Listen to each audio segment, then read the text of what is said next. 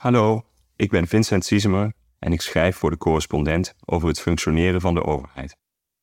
Ik schreef een verhaal over de doorrekening van partijprogramma's. Nergens wordt zo precies in kaart gebracht wat politieke plannen kosten als in doorrekenparadijs Nederland. Toch wil niet iedere partij dat het Centraal Planbureau hun programma checkt. Ophef gegarandeerd. Maar heeft ieder plan een doorrekening nodig? En kunnen we daar wel op vertrouwen? Daarover gaat dit verhaal. Daar gaan we weer. Je had het vast al gehoord. Er zijn verkiezingen op komst. De komende maanden kun je je alweer verheugen op een hoop mooie plannen van een hoop politieke partijen. Gratis kinderopvang, lagere belastingen, een betaalbare woning voor iedereen, hogere lerarensalarissen, meer geld voor wetenschappelijk onderzoek. Maar word je niet voor de gek gehouden? Waar betalen die partijen dat van? Gelukkig woon je in het mooie Nederland waar we daar iets op hebben bedacht.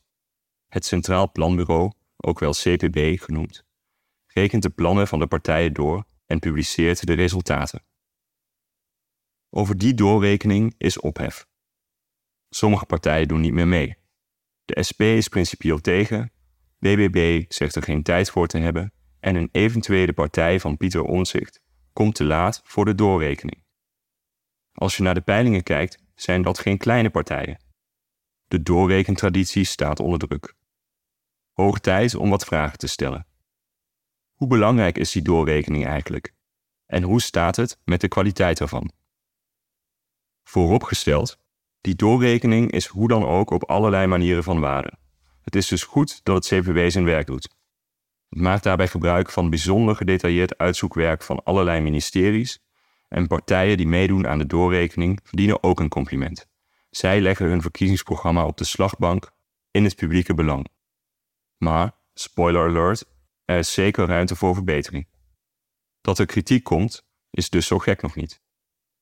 Helaas levert de doorrekening niet altijd waarvoor ze bedoeld is. Een realistische kijk op de voor- en nadelen van politieke voorstellen. Maar laten we beginnen bij het begin.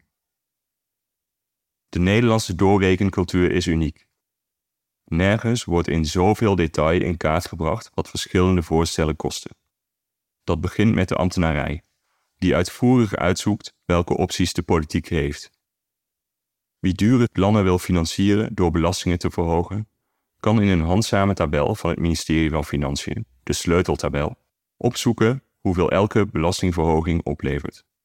Wie liever de uitgaven van de overheid vermindert, kan terecht bij een lange lijst met bezuinigingsopties van hetzelfde ministerie, de ombuigingslijst. Wil je minder uitgeven aan sociale zekerheid, zorg, gemeente, defensie, onderwijs of politie? Op welgeteld 137 pagina's presenteert het ministerie de mogelijkheden. Veel gaat over saaie zaken als subsidies, personeelskosten en normen, maar ik licht graag de voorbeelden uit die mij deden glimlachen. Voorbeeld 1. Versoberen detentieregime gevangeniswezen door zes dagen per week vegetarisch te eten en halvarine en nagerechten te schrappen, is een besparing van 2 miljoen euro structureel mogelijk. Voorbeeld 2. Het afschaffen van de elf rijdende scholen voor kinderen van circusmedewerkers samen met die ene varende school voor varende kleuters levert 5,4 miljoen op. Voorbeeld 3. Het afstoten van het Koninklijk Paleis Amsterdam leidt tot een besparing van structureel 6 miljoen euro. Voorbeeld 4. Opzeggen internationale verdragen.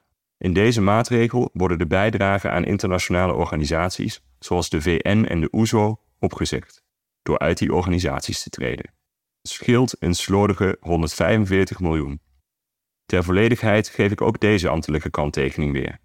Naast politieke afwegingen vereist het opzeggen van verdragen de instemming van het parlement. Ten slotte is er nog de mogelijkheid om te bezuinigen op de democratie zelf. Verkiezingen om de zes jaar in plaats van om de vier, het invoeren van een kiesdrempel en het afschaffen van de Eerste Kamer. Het scheelt 25 miljoen per jaar. Het menu ligt dus gereed. Politieke partijen hoeven alleen nog maar te kiezen.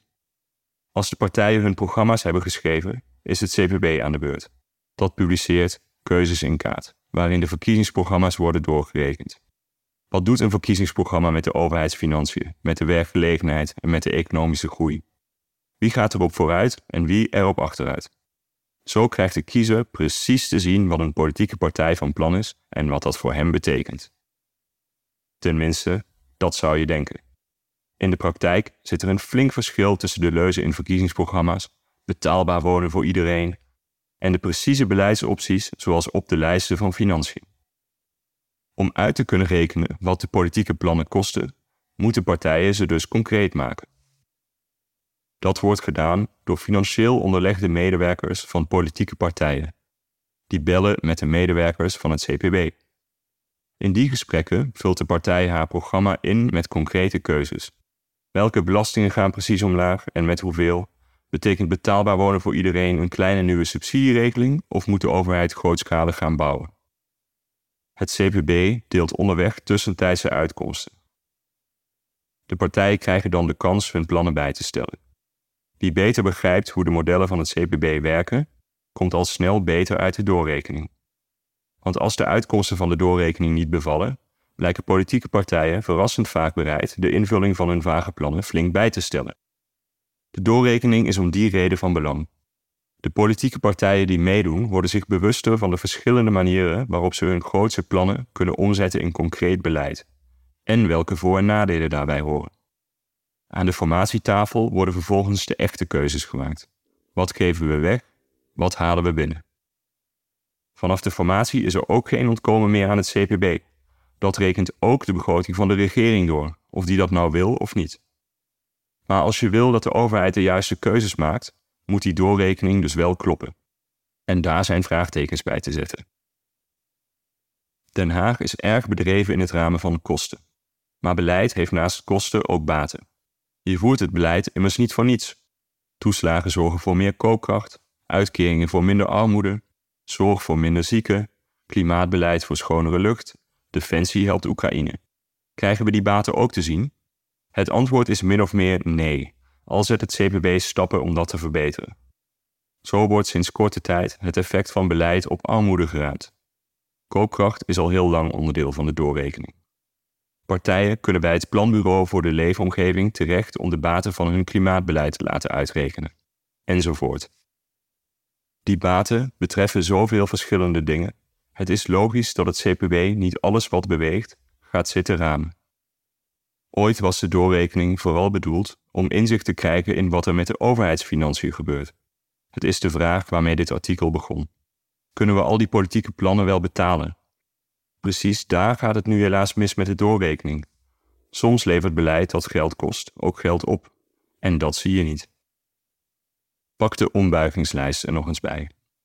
Verkopen we het paleis op de Dam, dan zal dat inderdaad onderhoudskosten schelen.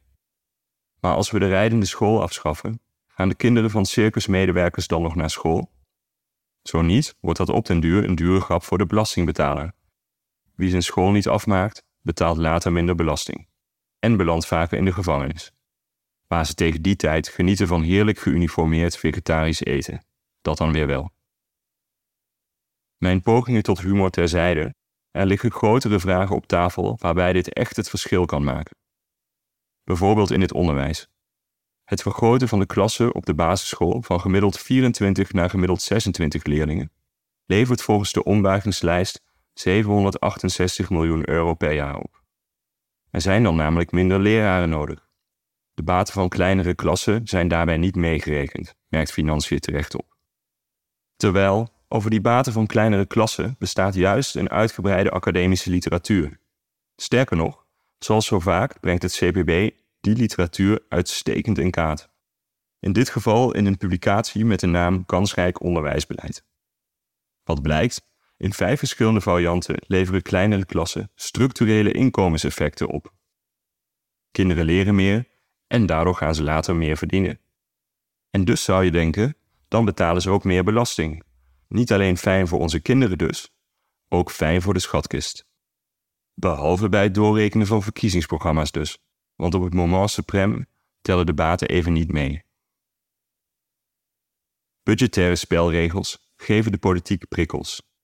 Door de baten van beleid niet mee te tellen, wijzen die prikkels vaak in de verkeerde richting. Zo wordt korte termijn denken aantrekkelijker en wordt lange termijn beleid ontmoedigd. Soms heeft het CPB de financiële baten van een maatregel wel al uitgerekend, maar zelfs dan worden die niet meegenomen. Dit zie je terug bij een maatregel die momenteel serieus wordt overwogen door de politiek. Er is de laatste tijd veel discussie over het groeiende aantal buitenlandse studenten. In de ombuigingslijst vinden we de maatregel internationalisering in balans. Met deze maatregel wordt de Nederlandse taal, zonder uitzonderingen, verplicht bij de bacheloropleidingen. Dat bespaart 345 miljoen, omdat er, volgens de raming, 60.000 minder buitenlandse studenten in Nederland ingeschreven zullen staan. Omgerekend zo'n 6.000 euro per student. Kiest een partij voor deze maatregel, dan verbeteren straks in de doorrekening van het CPB dus de overheidsfinanciën. Nu wil het toeval dat hetzelfde CPB eerder becijferde dat buitenlandse studenten de schatkist juist geld opleveren. Een deel blijft hier werken en betaalt belasting. Een buitenlandse student uit een Europees land levert Nederland 5 tot 17.000 euro op. Een student van buiten Europa zelfs 69 tot 94.000 euro, al dus het CPB. Opeens ziet de overweging er heel anders uit. Volg je het CPB, dan leveren buitenlandse studenten Nederland dus geld op. Maar kiest een partij ervoor ze allemaal terug naar huis te sturen, dan gaan we er volgens de doorrekenmethode van het CPB op vooruit. Voor je het weet gaan we het nog doen ook, ergens in het gewoel van de verkiezingen en de formatie. Voor maatregelen uit de categorie gratis bier voor iedereen blijft de doorrekening zeer waardevol. Al is het maar zodat partijen alvast warm kunnen lopen voor de formatie. Maar bij maatregelen die ook financiële baten hebben, gaat het mis. De discussie die nu is ontstaan over de doorrekening is een mooie gelegenheid om daar iets aan te doen. Om tradities te behouden is verandering soms nodig. Dat het CPB de baten van beleid zelfs niet meeneemt in de doorrekening als die in een ander stuk al zijn uitgerekend, vind ik vooral jammer. In andere gevallen is de terughoudendheid van het CPB beter te begrijpen. Ik bedoel, hoe ziet ons land er over 50 jaar uit als we heel het onderwijs afschaffen? Het is niet makkelijk om daar wetenschappelijk verantwoorde uitspraken over te doen. Maar is het dan wel wetenschappelijk verantwoord om voor te rekenen dat het geen kwaad kan? Mijn suggestie: als je een maatregel niet serieus kan doorrekenen, doe het dan gewoon niet. Het is de missie van de correspondent om voorbij de waan van de dag te gaan. Onze correspondenten voorzien het nieuws van context en schrijven over de grote thema's van deze tijd. De correspondent geeft me de vrijheid om mijn nieuwsgierigheid te volgen en de tijd om verhalen te schrijven. En zo probeer ik onzichtbare structuren zichtbaar te maken en een andere kijk te bieden op debatten die het nieuws domineren.